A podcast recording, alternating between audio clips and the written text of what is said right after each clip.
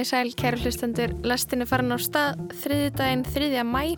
Ég heiti Lóabjörg Björnstóttir. Ég er Kristján Guðjónsson og umfjöldunarefni lestarinnar í dag eru Klæðinaður bankakvenna, The Dropout og Nýðstangir. Já, að gefnu tilöfni þá veltum við fyrir okkur nýðstöngum sögu þessa fyrirbæris og nótkunn þess í samtímanum. Síðastleginn fyrstu dag bárust fréttir af því að nýðstöng hafi verið reist við skrauthóla sem er lítil byggð við rætur esunar en það var óvist uh, gegn hverjum nýðstöngin var reist eða hvað hún átti að merkja og við ræðum við Terry Gunnell, profesor í þjóðfræði og rifjum upp skipti þegar nýðstöngir hafa verið reistar. En þar er ekki rosshaus heldur skorinn mannshaus en stöngin er þá stungin í líkama döðshæsts.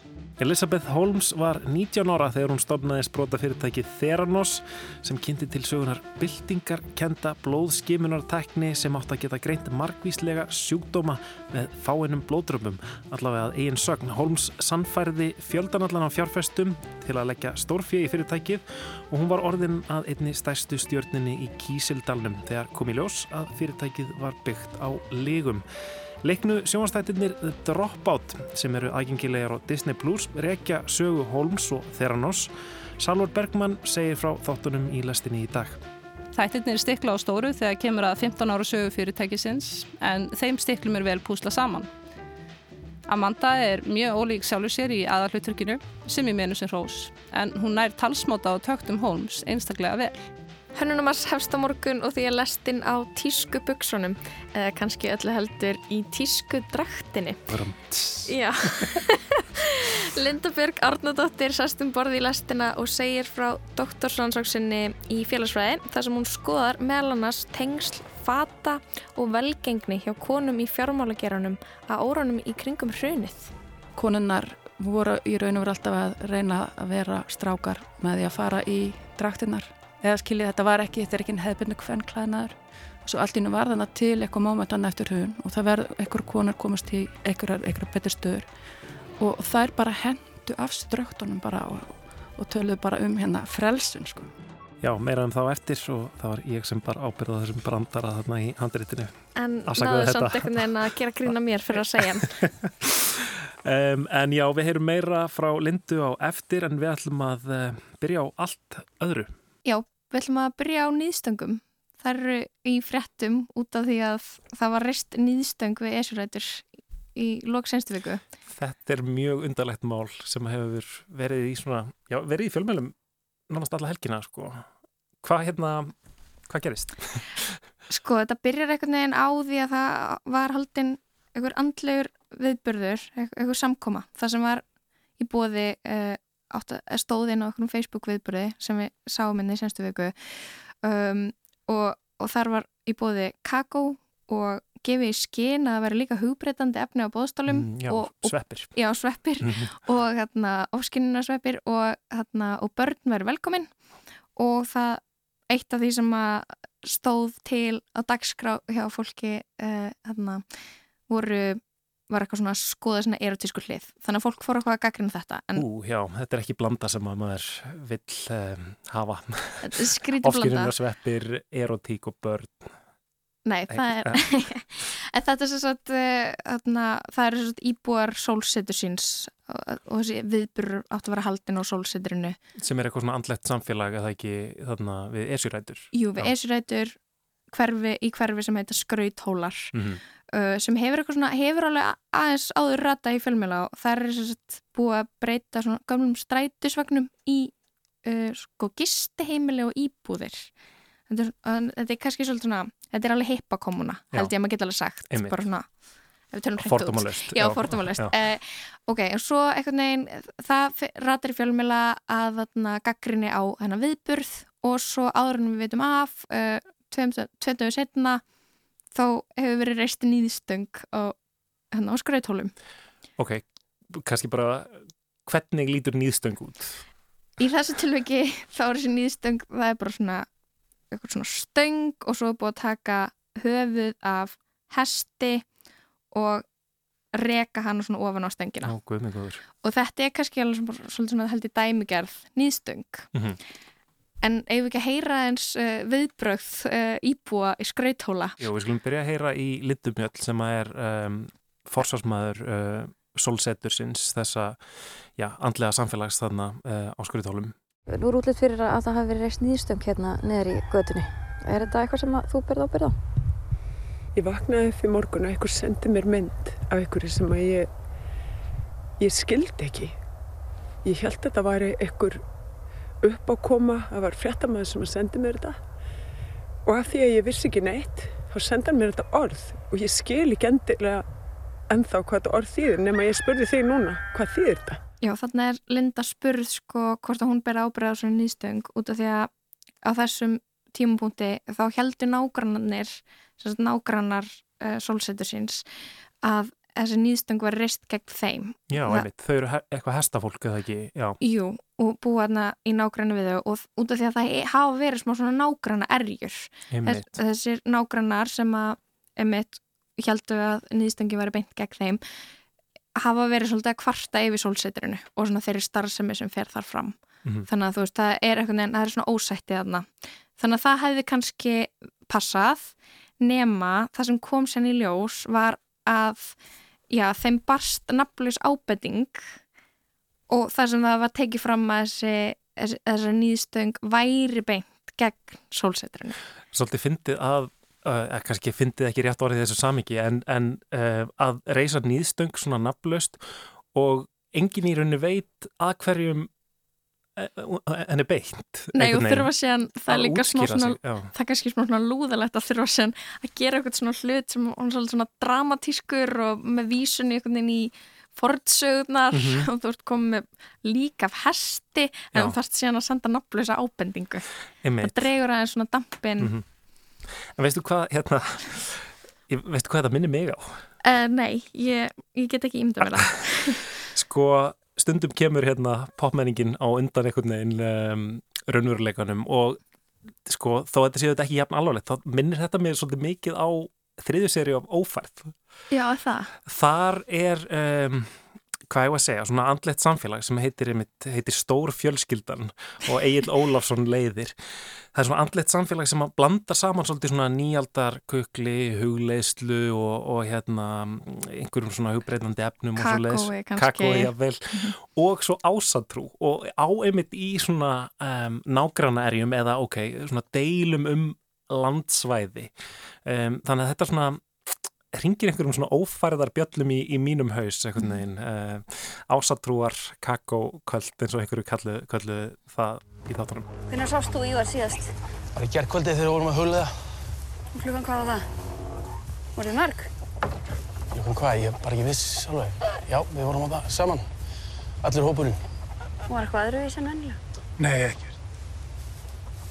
Þú voru að sjá til þess að enginn úr hópnum yfirgefi svæði. Við erum í miðju blóti, hérna fyrir enginn. Hvað fælst í því? Já, við eh, erum sem sagt vöndi að fagna alltaf ástíðaskiptum. Við trúum á náttúruna, umbreytinguna, nýtt upphaf. Og blótið er svona eins konar uh, lokahóf fyrir veturinn.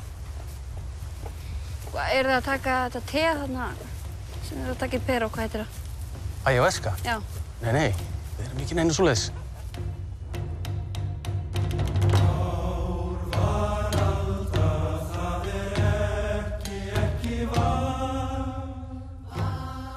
Já, þarna heyrðum við brot úr uh, þriðju serju ófærðar uh, Ilmur Kristjánsdóttir var þarna lauraglann sem var rannsaka djúlafyllt morðmál sem gerðist í svona ásatrúar uh, hugleiðslu andlegum hóp sem að, já, allavega var, var það sem ég hu- hugsaði um þegar svona þetta mál, uh, nýðstangarmál uh, komst í hámæli, það sem einhvern veginn blanda saman einhvern veginn þetta nýjaldar uh, kukl nútímans og svo, svo einhvern veginn þessu svona fornu tákn einhvern veginn.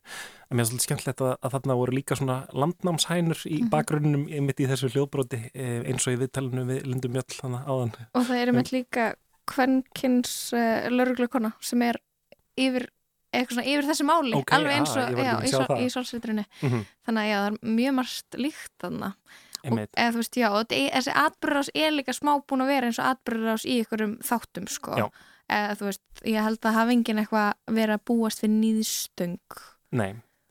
En, hérna, en, en hvernig fór það með um, Já, sá sem er reist í nýðstöngina, hann var búin að senda þarna út, útskýringu greinilega á því að hverjum þetta bendist. Mm -hmm. uh, en er eitthvað að vita hver það er? Nei, það er ekki vitað. En hún, Linda segir í viðtalegu vísi, hún, hún hefði ákveðna mannsku grunaða og, okay. og vísar í þarna, fólki sem var að gaggrina mest viðburðin sem hún var að sem var haldinn á sólsetrinu fyrir mm. nokkur síðan erotíska, erotíska sveppadans viðburðin og segir síðan um, og talar um að sé manneskja sem er segðkona sem kallar sér völvu og svo segir hún hvaðan ætti þetta koma nefn af einhvers konar tengingu við ljóta og myrka galdravitund sem að býr í forn Íslandi og það er viss hópur sem tengist þessu wow. Já, þetta er áhugavert og, en hún segir um þetta sko, náttúrulega við spilum hérna brota á hann þar sem hún segir hún veit ekki eins og hvað þetta orð þýði Nýðstöng Já, Já. En, en, en það eru kannski eflaust margir þar mm -hmm. og, og það er kannski svona óljóst hvað nýðstöng er er nákvæmlega, Get, getur hver sem er farið út og reist upp stöng hvað þarf að vera á stöng til þess að hún getur kallast nýðstöng Já. þannig að okkur fannst kannski tilvælega að heyra í, í Terry Gunnell sem er prófessor í þjóðfræði og hann er þess að önnuna að kenna eh, við háskóla í Albuquerque í Nýju Mexiko og fór á fætur fyrir allar aldir til þess að, að svara nokkur spurningum og ég byrjaði að spyrja prófessorinn bara hvað er nýðstöng? Hugmynd okkar um nýðstöng er byggð á, á um, frásögn í Egilsögu. Það sem um, Egil Skallagrimsson er státti pyrraður eins og venjulega og um, pyrraður út, út í konung Noregs Erik Blóðags um, fyrst og fremst sem hefur ekki leift án að fá land sem hann vil fá í Auðlandsfjörð, Noregs Sónafjörð í, í, í Noregi og það sem hann gerir þá er að fara, fara upp á eigið ekki langt frá Bergen og tekur þá heislistöng sem hann rekur þá í, í, í stein þarna upp á, upp, upp á eiginni og setur þá ofan á hrosshaus um, og skrifar þá, þá rúnir á hlýðinni, á, á stönginni. Um, og þá býður land, það sem hann kallar landálf eða landás um, sem er líklega Guð, landsins kannski freyr um, í, í þessu tilfelli að, að reka konungin uh, úr landi. Um, hann kallar líka á landvæti fyrst og fremst. Þannig að, að hann fæ ekki tækifæri eða leiði að vera áfram, áfram í Nóri. Og áhrif þess er að Erikur þarf að flytja til, til Englands setna. Allt fer óskeðis fyrir hann. En um, þetta er aðalhugmyndin sem, sem við höfum en um, það eru reynda tvær gerðir af, af nýðstöngum. Um, fyrst er nýðstöng af þessu tægi sem uh, finnum eitthvað líka í, í vatstælu en þar er ekki hrosshaus heldur skorinn mannshaus en stöng, stöngin er þá stungin í líkama döðs hests. Hinn tegund af, af nýðstöng er, er reyndar tvær svítur sem eru eitt sett fyrir aftan hinn og þá er verið að gefa í skinn að, að, að segja fólki að tveir menn eru samkynneið. Mm. Þetta eru tvær gerðir en, en gerðin sem, sem, sem er í frettunum núna er, er byggð á, á eglu. Tilgangurinn er að annarkvort að koma ykkur um úr landi eða reyka ykkur í burtu eða gera lítið úr honum. Í þessu, na, í þessu tilfelli, já, er, er verið að reyka, þá landvætir uh, að, að reyka mann úr landi, já. Og, uh, þú veist, var þetta algengt að reysa ykkur um nýðstöng? Var þetta mikið notað? Já, við höfum ekki hugmynd um það. Um, við höfum þessi tvær, um, tvær sögur í eglu og vatstælu. Mm. Um, að þessu tægi þá tvær sögur. Ekki, ekki fleira um, en þetta. Er eitthvað sérstætt sem það er að gera við stöng svo hún verði nýðstöng? Hver er munun á bara vennilegri stöng og nýðstöng? Fyrst og fremst hér er verið að setja eitthvað, eitthvað ofana. Um, og í báðum tilfellum virðist vera um, að, að þessi tengt við, tengt við um, hesta. Mm. Uh, eins og ég segi, hinn, hinn gerð er, er stöng sett inn í líkama döðshests. En, en við höfum ekki hugmynd af hverju eða hvaða skilabóð er, er í því. Um, en í frásögnum um, um, um eigin þá, þá eru rúnir sem hann, sem hann skrifar á, á, á, á stönginni um, sem, sem uh, er einhvers konar galdur. Og e, þekkir eitthvað svona, hvort það sé eitthvað svona helgisiðir eða eitthvað svona uh, ritualar tengdir uh, því hvernig þú reysir nýðstöngina eða? Það virðist vera byggða á hefð af einhverju tægi vegna þess að þetta er ekki útskilt í sögunni, í sögunum um, uh, og líka þetta kemur ekki úr bókmyndum um, uh, frá, frá öðrum löndum þannig að greinilega er, er, er hugmyndin til og líka orðin nýð að gera, gera einhver uh, svona æru, æru laus mm. um, er, er gamla hugmynd. En þetta er það, sem, sem, sem við eigum. Við eigum tvær sögur í, í, í gíslasögu og, og bjarnasögu hittarakappa sem er um samkynneið og þá þessar sögur hér sem, sem er, er þá verið að reyka fólk úr landi. Mm. Þannig að það er uh, þetta sér Íslands fyrirbæri, þetta fyrirbæri nýðstöng? Það, við höfum ekki dæmi af, af, af þessu frá, frá öðrum löndum en náttúrulega hann, hann er í Nóri um, og uh, fjölskylda hans er um, afi hans er, er, er norskur þannig að já, þetta er Nóræn Nóræn um, síð okay. myndi ég segja Hefur þú tekið eftir í núna svona aðeins búin að vera að skoða svona nýleri upp uppákomur sem þarna, tengjast því að reysa ykkur um nýðstöng er þetta eitthvað sem síðan að þú kynntist þessu fyrst hefur tekið eftir þessu eitthvað?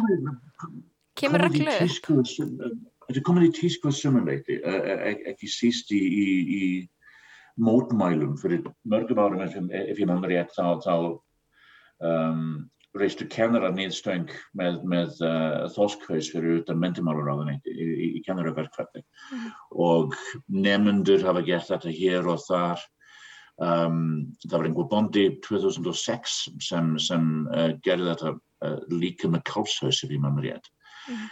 en, en þetta kom ekki tísku að sumuleiti maður segja núna að, að gera þetta og vitna þá í, í, í Íslandingasögunum en oftast er, er í dag gengur ekki að nota hrosshaus lengur um, í, í samfélagi okkar.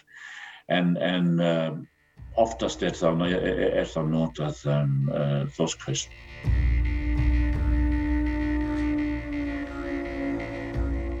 Terri Garnell, professor í þjóðfræði sagði í þessu spjall okkar að nýðstangir væru kannski að komast í tísku en það væri kannski aðeins minna um það að fólk væri að setja hestshöfuð á stangirnar, væri kannski Já. að nota eitthvað annað. Já, það er ekki svona vegan nálgunin á þetta. Nei, okkur finnst það eitthvað aðeins of mikið. Já.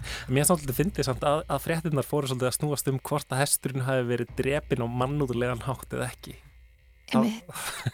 og, og niðurstafan var að hann hefur verið drepin á mannúðulegan hátt og, en það er svona spurning hvernig, hvernig um, sá sem reisti nýðstöngina fann hennan fekk þennan hesthaus? Já, það er vist sko mjög erfitt að útvega sér hesthaus.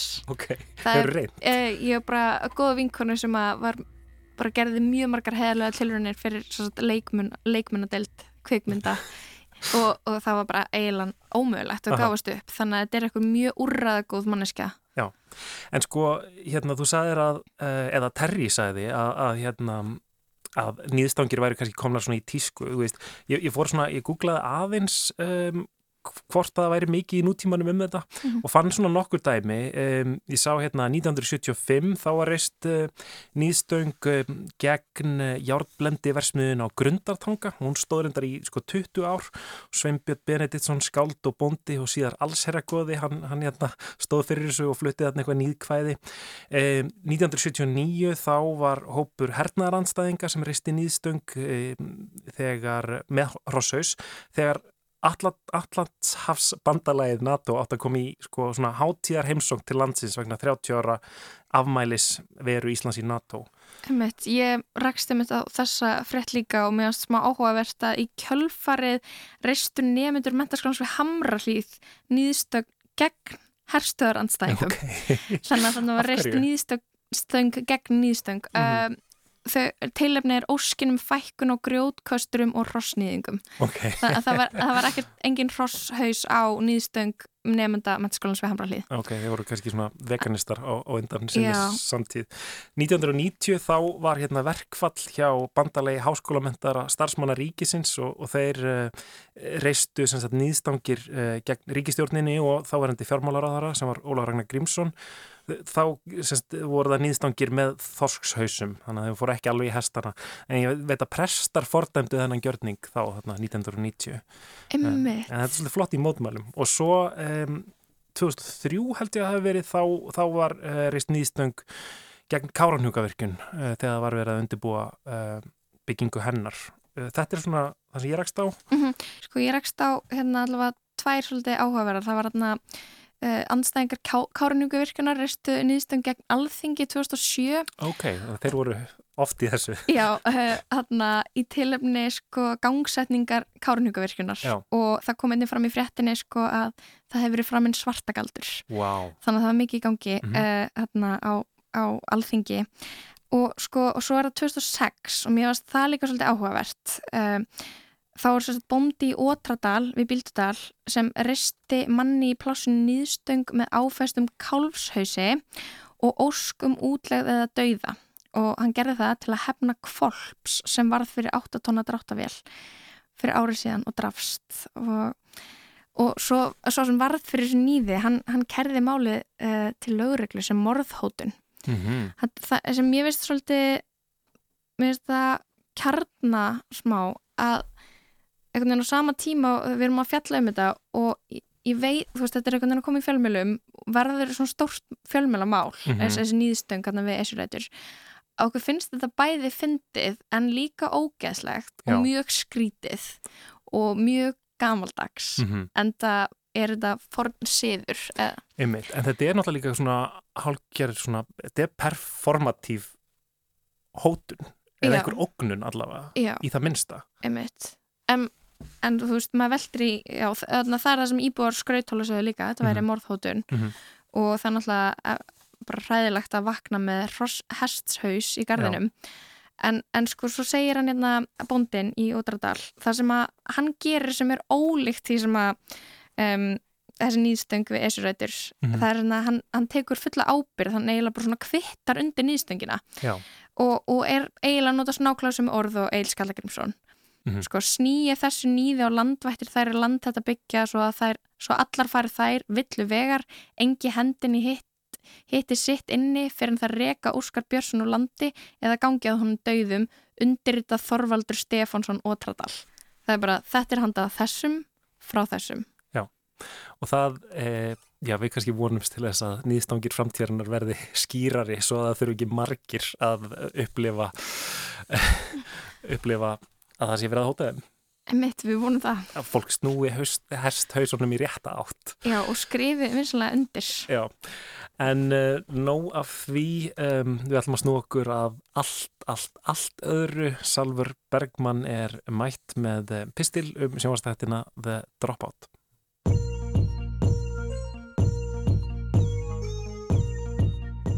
I'm having a hard time getting them to, to talk to me. Then you gotta hustle. Oracle's first contract, do you remember? Yeah, the software was still a mess. You know what I said? I said nothing. Nothing.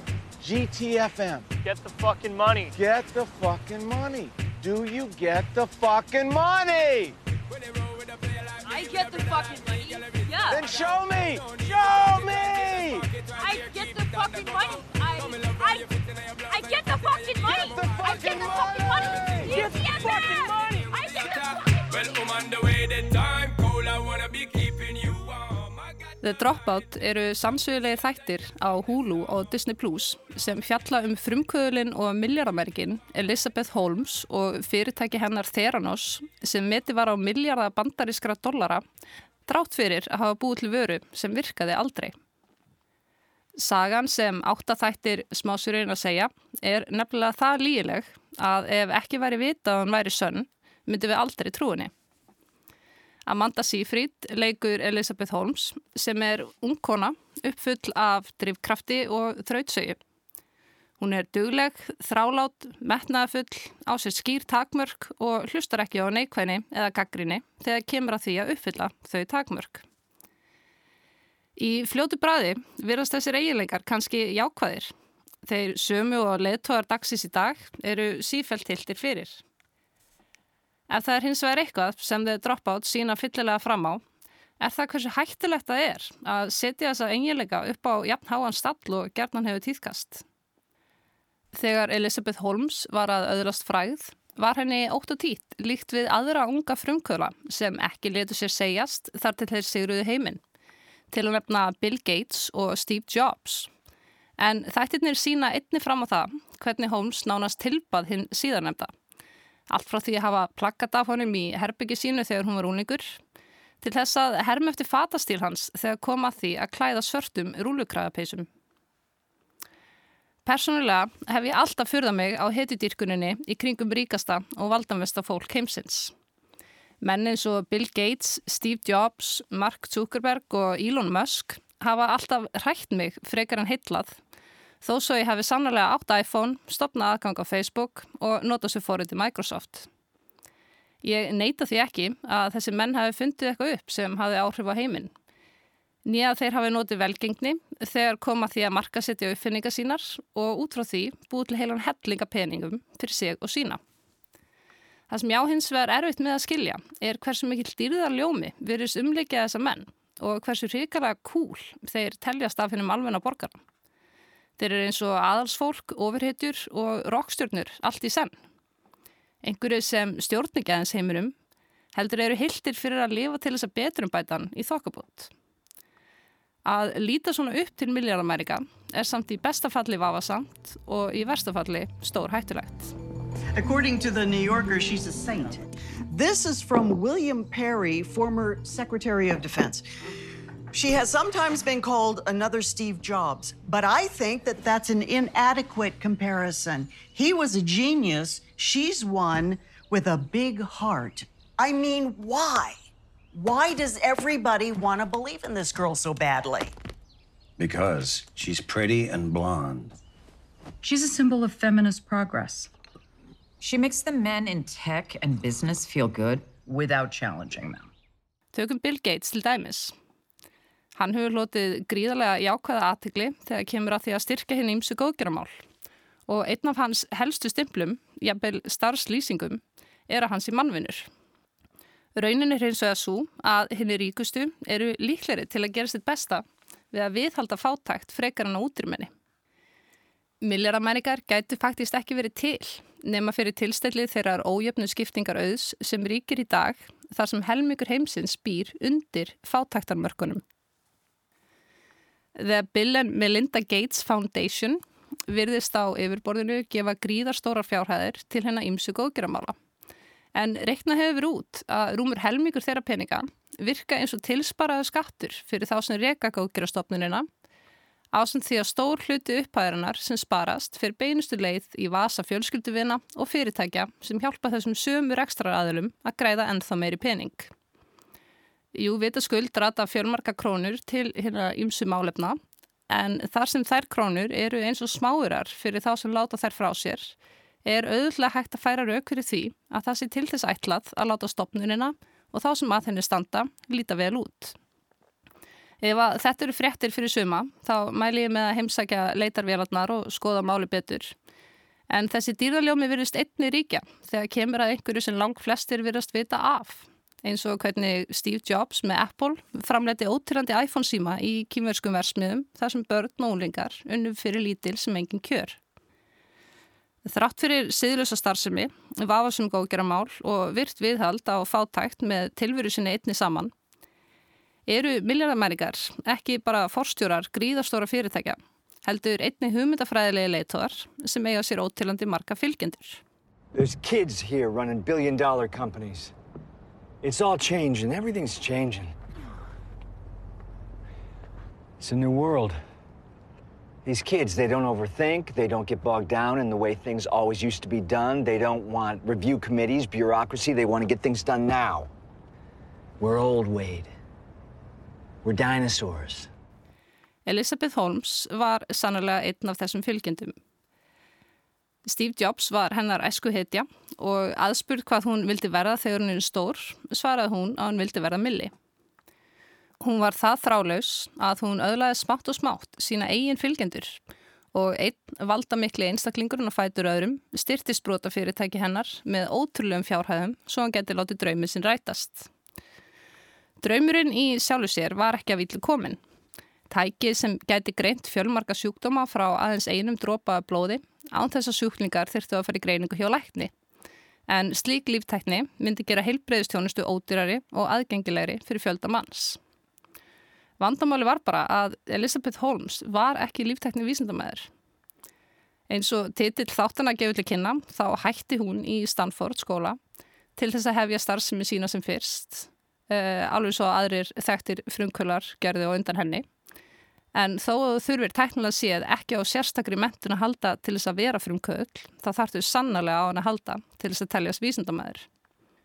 Mesti óhugnaðurinn fælsamt ekki í hversu veruleika fyrst unga konan var, heldur hversu marga henni tókst að sannfara á leiðsinni og í framaldi hversu margir viðhjeldu sirkushjaldinu sem hún hafi reist. Um þessar myndir situr maður fyrir rétt í Svíþjóð fyrir að hafa valdið dauða sjö manns með ófullkominni stoppfrumutækni.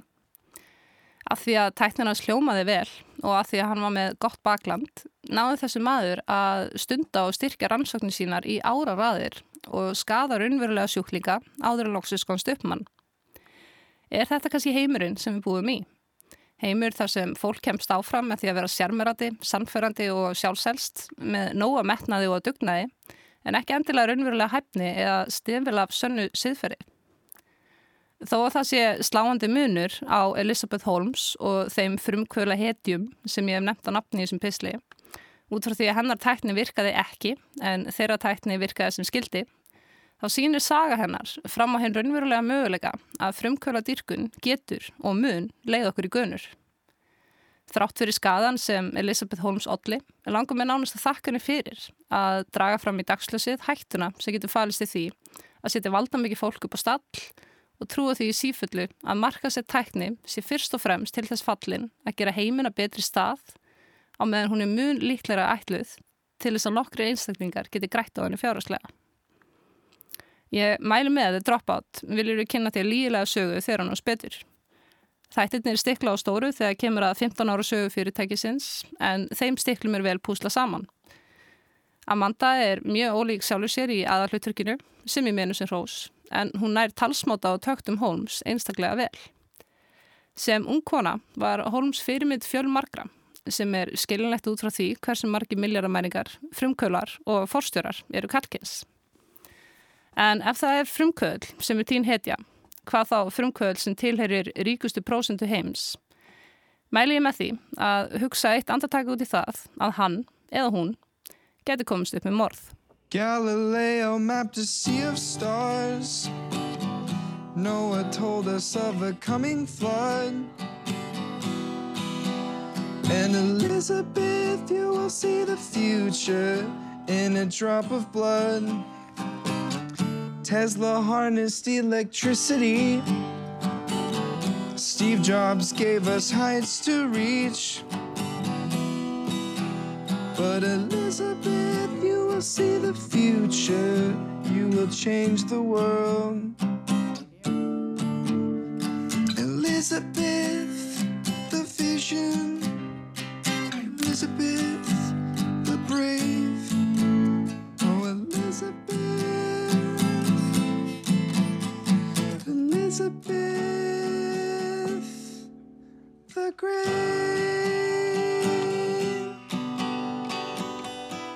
Elizabeth the Great Það var Salur Bergman sem saði frá sjónvastáttunum The Dropout sem er aðgengilegir á Disney.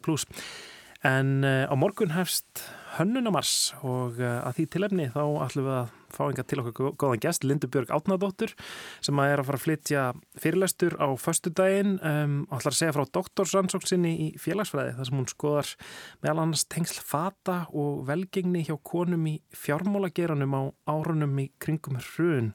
Alltaf það ekki hafi ekki verið eh, draktir og, og svona einhverju kraftbleiserar.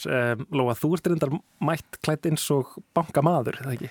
Jú, herri, það passar. Ég er hérna í skirtu sem er hana, second hand, eins og mm -hmm. maður talar um, af, hana, af Jóni Áskeri Jóhannesinni.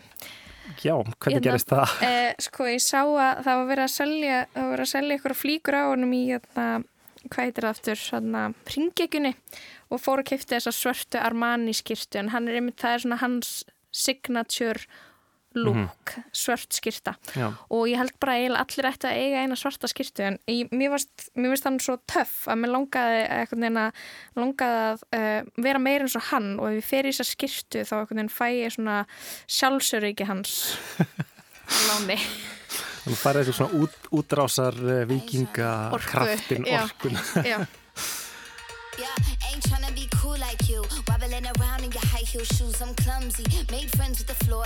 Two for one, you know a bitch by four. And two left feet, you know I always drop. First thing a girl did was a bop. And the whole damn cake and the cherry on top. Shook up the bottom, made a good girl pop. You ain't even here to party.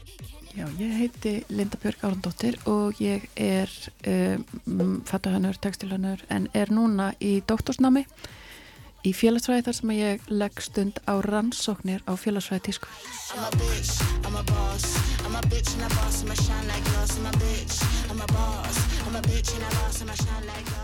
Þetta er eitthvað sem hefur ekki verið stundað mikið á Íslandi eða náttúrulega? Nei, ég er eiginlega fyrsti íslandingur sem að fer þessa leið í félagsfræðinni og er að gera sagt, rannsóknir á félagsfræði tísku en, en félagsfræði tísku er frekar bara stórt fag í útlandum þannig að það eru mörg uh, sagt, tímaritt sem byrta greinar, greinar sem að sér af þessi bara í tísku félagsfræði. Og svo tengist þetta náttúrulega inn á alls konar markasfræði og, og textilfræði og eða, það eru marg, margar hliðar á þessu máli. Mm -hmm. Þú kemur úr, úr fatahönninni sjálf og var þá einhvern veginn svona um, áhugin á hvernig þetta allt spilaðist við félagslega einhvern veginn alltaf hluti á þínum áhuga.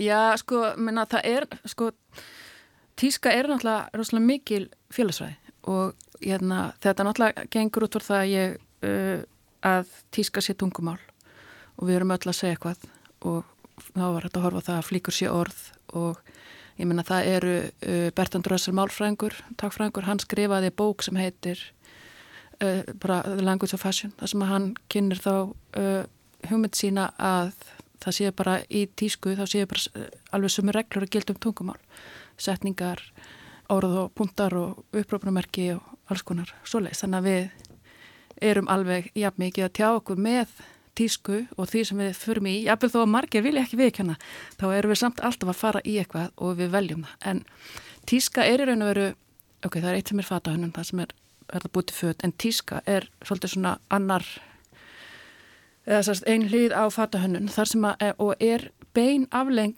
borgarsamfélagsins. Það er eiginlega tvent sem gerist í sögunni sem að verður til þess að tíska verður til. Fyrstulega sko franska byltingin og öðru lagi innbyltingin en eh, fyrir fransku byltinguna þá var eh, reyndar tekstilina í Fraklandi mjög framalega í vefnaði og alls konar stór, stórkoslu efni búin til en í lögum var það þannig að bara aðastmenn máttu klæðast fötunum. Og það máttu bara búa til eitt efni í eitt búning, það var engin framlegsla svo allt í hennu er ekkit aðastfólk lengur. Og þá það var alls konar reglur, það mátti ekki blanda, blanda saman sérsagt bómull og ull eða bómull og hör eða að því að það stendur í biblína með ekki. Þannig að það þurfti bara að það voru öllum reglunum var í raun og hendana og þá kemur yðinbildikinn svo upp úr því. Og líka bara uppbygging borgarna tengið sér sem mjög vel. Það verða til búlivarðar, það verða til torg og, og París verður þarna til sko, reynda yfir náttúrulega yfir mjög langa tíma og ég náttúrulega lærði í París og bjóð þar í 20 ár þannig að Uh, það er miklu þróara tungumál tísku mm -hmm. í París vegna þess að borgin er svo gömul. Wow, einmitt. En, en þú sjálf, hva, hvaða, svona, hérna, hvaða orð og, og hérna, tungumál ertu að, ertu að pæla í þínu verkefni? Hérna, dress, dress and success, er, er það já, ekki? Hérna, já, hérna, ég... Það var svolítið svona... Klæðnaður og velgengni. Já, klæðnaður og velgengni. E, e, það var svolítið svona útgangspunkturinn og ég fór svona veltaði fyrir mig, hvað getur við gert, hvað getur hver að gert til þess að, ég veit ekki, bæta stöðu sína eitthvað starf í einhverju félagslegum hópi með með klæðnaði, skilji og ég menna við erum alltaf með sögu eins og öskubuska, öskubuska var í rosalega slæmri stöðu og svo færir allt í hérna rosalega fína kjól fyrir ballið og bara þú veist umbreyti lífið sínu í framhaldinu þannig að þetta er svolítið svona og, og, og þá er ég að hugsa um sko, eða það sem ég er búin að gera núna sem fyrsta hluta eh, af fjórum í, í dóttarskapnu er að ég tók viltásransvænir við uh, konur í bankakeranum og það var ekki endilega upphælega planið en ég þurfti að fara að taka ykkur viltásransvænir að því ég var á ykkur námskeið Þannig að ég fer hann í bankageran og, og tek viðtal við nokkra konur og það kom bara svo áhæfæri hlutur út af því að uh, ég, ég held áfram að gera það. Mm -hmm. Og ég menna það er ímislegt sem að, ég menna það er náttúrulega ljóstað í kringum hruni, þá var sjáanleg breyting á klæðina bankafólks fyrir og eftir hrun. Í alvörunni? Og, og hérna, hvernig er þetta að nema það? Já, ég tók náttúrulega viðtal við tíu bankakonur og hérna og það gáta allir sagt einhverju sögur af því að fyrir hrun hafa hafi ykkurir hæflægir í bankageranum verið hérna í þú veist snákaskinskónum og arman í búningunum og eitthvað mm. og svo gerðist eitthvað, það var rosalega stór breyting í samflæðinu og þá skrú, var skrúa niður í þessu og þeir sem að í raun og veru föttu ekki breytinguna urðu, það var trúnaprestur á milli þeirra og, og hinnastarsmanna eða skilji. Ótti þá að dempa enn lífstíl sem að tengist svona Lífstílinn var dempaður mjög, ég menna, ég hef verið í legubíl og, og ykkur hefur sagt bara, bá, þessi bara keiri hérna, ykkur svínaði frá mórsku ég sá þessi 2007, eða skiljur við þú veist, það var alls konar, það var attitút í gangi og það sást í klæðinu mm. en þannig að ég er svona að reyna að kanna e, sko, hvað, er, hvað eru konur í banka fjármálheimlun sem er náttúrulega mjög karlægur uh, bransi? E, hvað eru þær að segja við erum alltaf að segja hvað, en hvað eru þær að segja? Og, og hvernig hérna gengur þeim að e, sagt, miðla því sem að þær vilja segja í þessu umhverfi? Og, en ef við lítum svona sögulega á hérna bara, ef við lítum á mannkísuguna eða, eða borgarsuguna eða, eða, eða vestranssögu þá þá hefur alltaf sko í, í byltingum, skemmtir ekki mál hvort það var franska byltingin eða rúsneska byltingin eða hvað er og það, þegar hugmyndir fólks eða bara hugmyndir í jafnbretti eitthvað hugmyndir samfélaginu hafa breyst mjög snöglega þá hafa fötinn algjörlega á sjálfu sér breyst mjög snöglega líka. Þannig að alltaf þegar, eða þegar hugmyndir breytast þá breytast fötinn og ég menna við getum til dæmis horta eins og ég tala þessum að því það kemur líka í ljósi hérna, í þessari rannsókn að e, það er það er alltaf banka, banka og fjármálungur er það um, vinnum hverða sem er mest um reglur varandi klæðbörð og þær eru bara bæði skrifar og óskrifar en það er einn stjætt sem kemst upp í, í þessu samfélagi með að fara ekki eftir og það er sko tölvugörnir þeir, þeir eru bara og það kom náttúrulega í ljós í einu eina, einu bankanum þeir gerðu svona einhverja könnun. Þeir töldu þessu bara ekkert vera starfs með bankans. Þeir, bara, þeir töldu þessu vera bara frílans og, og þar leðandi væri, væri þeir sko í öðruvísi fötum. Mm -hmm. en þetta mann allt sem að rekja með því að, sagt, að tilur tæknifyrirtækina bara Facebook og Google og allar þess að það verður, það verður til sko nýr uh, vinnufatnaður í bandarkjörn það var til hana white collar og blue collar og svo allt hérna verður til no collar og stuttarmabólur og galaböksur og það sem að var ákveðin svona mótmæli við, við fjármálageran eða Wall Street eða, eða, við, eða svona við erum á öðrum fórsett með það mm. en ég náttúrulega menna það að, og ég held að sé svona ég er að leggja svona upp það að veist, það hefði ekki verið hægt að búa til þessa nýjung ef það hefði ekki verið nýfödd að því að í raun og veru ef það verið breytingar samflæðinu það er innlegaðast ekki nema það komi nýfödd Ah, mm -hmm. Það er mjög aðilsverð. Mm -hmm. Og ég meina ef við horfum til dæmis á okkur umhverð þar sem að fötun hafa ekkert breyst ágætt með þess að kaðsku kirkuna. Það hefur ekki komið fram nýja hugmynd þar mjög lengi skilur. Þeir eru enþá að kaupa fötu sín frá okkurum frá því 1729 sko. Mm. Ég er svona forröðin að vita á því að þú veist að tala um hérna uh, skrifar og óskrifar reglur -hmm. og, og einmitt eitthvað þurfa að mæti okkur um ákveðnum fötum í vinnuna en hvernig uh, hvernig lærir maður þessar óskrifu reglur og er allir sem þú veist taka þátti mjög meðvitaður um að þeir þarf að klæða þessi búning og hvernig þessu búningur á að líti út? Já, já það, það eru yfirlegt í þessu fjármálfyrirtekin þá eru skrifaða reglur.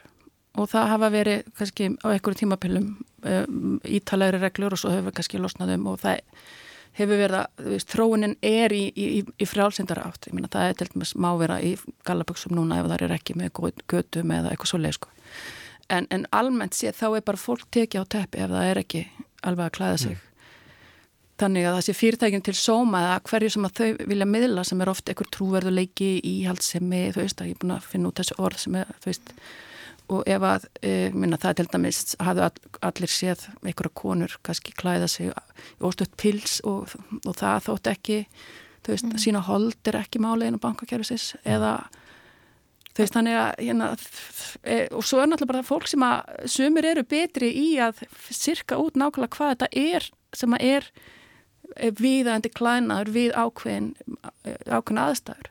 Og, og ég vil líka meina það að þeim takist oft betur að komast upp metrostíðan, skilji, að því að þú veist, þú getur endur að setja butta á hvað þetta er en ef þú ert ekki alltaf einhvern veginn óviðegandi, þá, þá er hingaurin eða hingkona við hliðinaður að fara að vera valin í eitthvað starf að öðru jöfn, eða skilji. En, En er þetta, já, sorry. Nei, klára. Nei, en er þetta ekki smá svona fín lína upp á hversu langt niður uh, halsmálum að ná og hversu hátt upp pilsið er? Þetta getur bara verið spurningum. Jú, jú. Ótrúlega mikið skinnbræð sem að fólk þarf að hafa, ótrúlega já, já. svona nákvæm.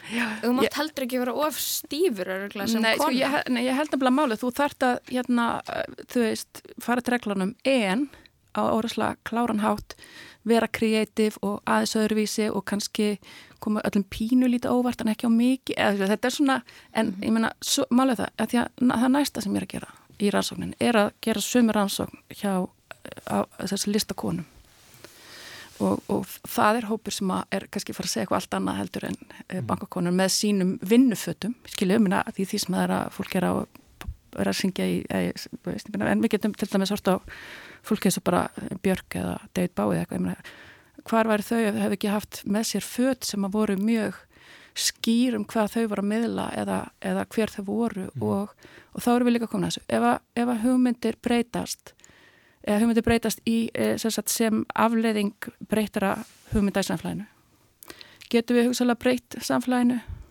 í hináttina með föddum eða eitthvað, ég veit ekki. Mm -hmm. Það er mhm. svolítið svona það sem ég ætla að teka þér.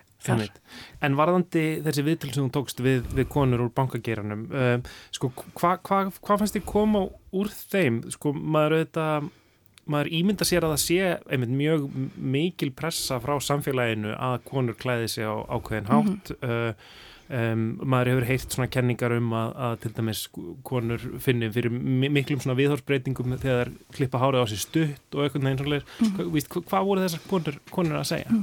Já, sko, það er náttúrulega eh, sem er eitthvað að kannski það stórkallast að koma út, út úr þessu er að það sem að gera þessi eftir hrun er að það allt í hennu losnuðu eitthvað störf og eitthvað konur komust í þau störf og það eru þessar konur sem ég tala við, þær, þær vikinn tala við, þær voru að reyna, eða reglurna voru þannig að, um, og það er til fullt aðru rannsókn sem ég er að veitna í, sko, varandi það að konunnar voru í raun og veru alltaf að reyna að vera strákar með því að fara í draktinnar, eða skiljið þetta var ekki, þetta er ekki hefðbyrnu hvern klæðnaður mm -hmm. og svo allt ínum var þannig til eitthvað mómentan eftir hún og það verður eitthvað konar komast í eitthvað betur stöður og það er bara hendu af sér dröktunum bara og og töluðu bara um hérna frelsun sko wow. og þannig að þá verður eiginlega til bankakonan, eða skilji sem að var ekki endilega svo viðkjönd hugmynd. Og er hún ekki í drakt lengur? Það eru bara farnar að, farnar að fara í, í kjólum og mm. vera í veist, hefðbundum hvenn tískufarni mm -hmm. þannig að það var þarna í raun og veru til uh, eitthvað skonar nýju hugmynd sem að varð var, er núna meira samþýtt heldur hún var fyrir 15 án síðan. Mm -hmm. Um, en þú ætlar semst að vera með um, já, kynningu á niðurstöðum þessa fyrsta hluta mm -hmm. uh, doktorsverkefni síns þíns á förstu dag, eða ekki? Jú. Á Pettersensvítunni? Það er sérst að byrja á morgun hönnunumars sem er hérna, hönnunarvika íslitinga en er ekki lengur í mars heldur maður út af COVID ástæðan og hérna þannig að ég ætla að vera með fyrirlastur í Pettersinsvítinu sem er efst uppi uh, fyrir ofan Gamla bjó og þar er bara allum velkoma að koma og bara okkipa sinn og þá ætlum ég svona að segja, segja frá þessum fyrsta hluta sem er sérsagt banka, bankaransóni Linda Björg Árnandóttir um, Takk hjá að vera komin að lestina I'm a bitch, I'm a boss I'm a bitch and a boss, I'm a shine like gloss I'm a bitch, I'm a boss I'm a bitch and a boss, I'ma shine like glass, I'm a bitch. I'm a boss, I'm a bitch and a boss, I'ma shine like glass, I'm a bitch. I'm a boss, I'm a bitch and a boss, I'ma shine Say like bitch glass. on the after, you been the before. I've been the stallion, you've been the seahorse. Don't need a report, don't need a press run. All of my bad pics been all my best ones. I wear the hat and I wear the pants. I am advanced, so I get advanced. And I do my dance and cancel the plans. Said, boo, don't be mad, cause you had a chance. Yeah, said I took it and I ran for it. I run it and I stand on it. Money on the floor when we dance on it. Shine bright, mother, put a tan on it. Said I took it and I ran for it. I run it and I stand on it. Money on the floor when we dance on it. Shine bright, mother, put a tan on it. I'm a bitch, I'm a boss. I'm a bitch and a boss, I'ma shine like glass. I'm a bitch, I'm a boss. I'm a bitch and a boss, I'ma shine like glass. I'm a bitch, I'm a boss. I'm a bitch and a boss, I'ma shine like glass. I'm a bitch, I'm a boss. I'm a bitch and a boss, I'ma shine like glass.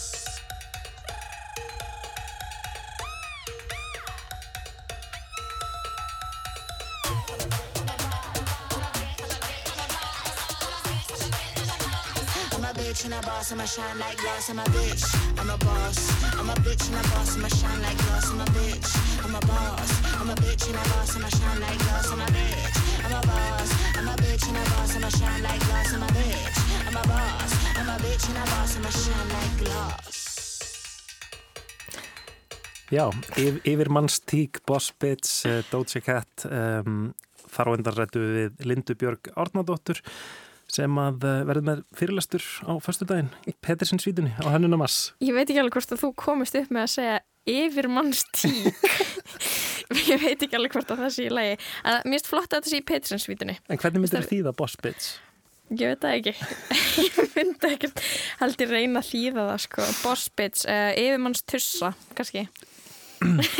Ok, um, við erum komin að leiðalogum í lestinni þennan þriðudaginn. Um, við verðum uh, Varum við aftur á morgun á sama tíma? nákvæmlega uh, allar að mæta á Khalid tónleikana í kvöld, Lóa. Herri, ég held ég sjá, sjá mér ekki fært að mæta þessu sinni en, en þú, ég náttúrulega hef eiginlega ekki hlusta mikið á hann. Nei, ég verði að viðkjöna það sama, en mér hann mjög krútlegur í fréttunum í gær. Þannig ég var eiginlega næstu því orðin uh, seldur að, að fara á þessu tónleika. Já, þú og eflust fleiri. Það verður örgulega stemming. Einmitt. En þangað til á morgun þá um, hverju við, Kristján Guðjónsson og Lóa Björk Björnsdóttir, tæknumæður var Lítið Gretastóttir. Já, verðið sæl.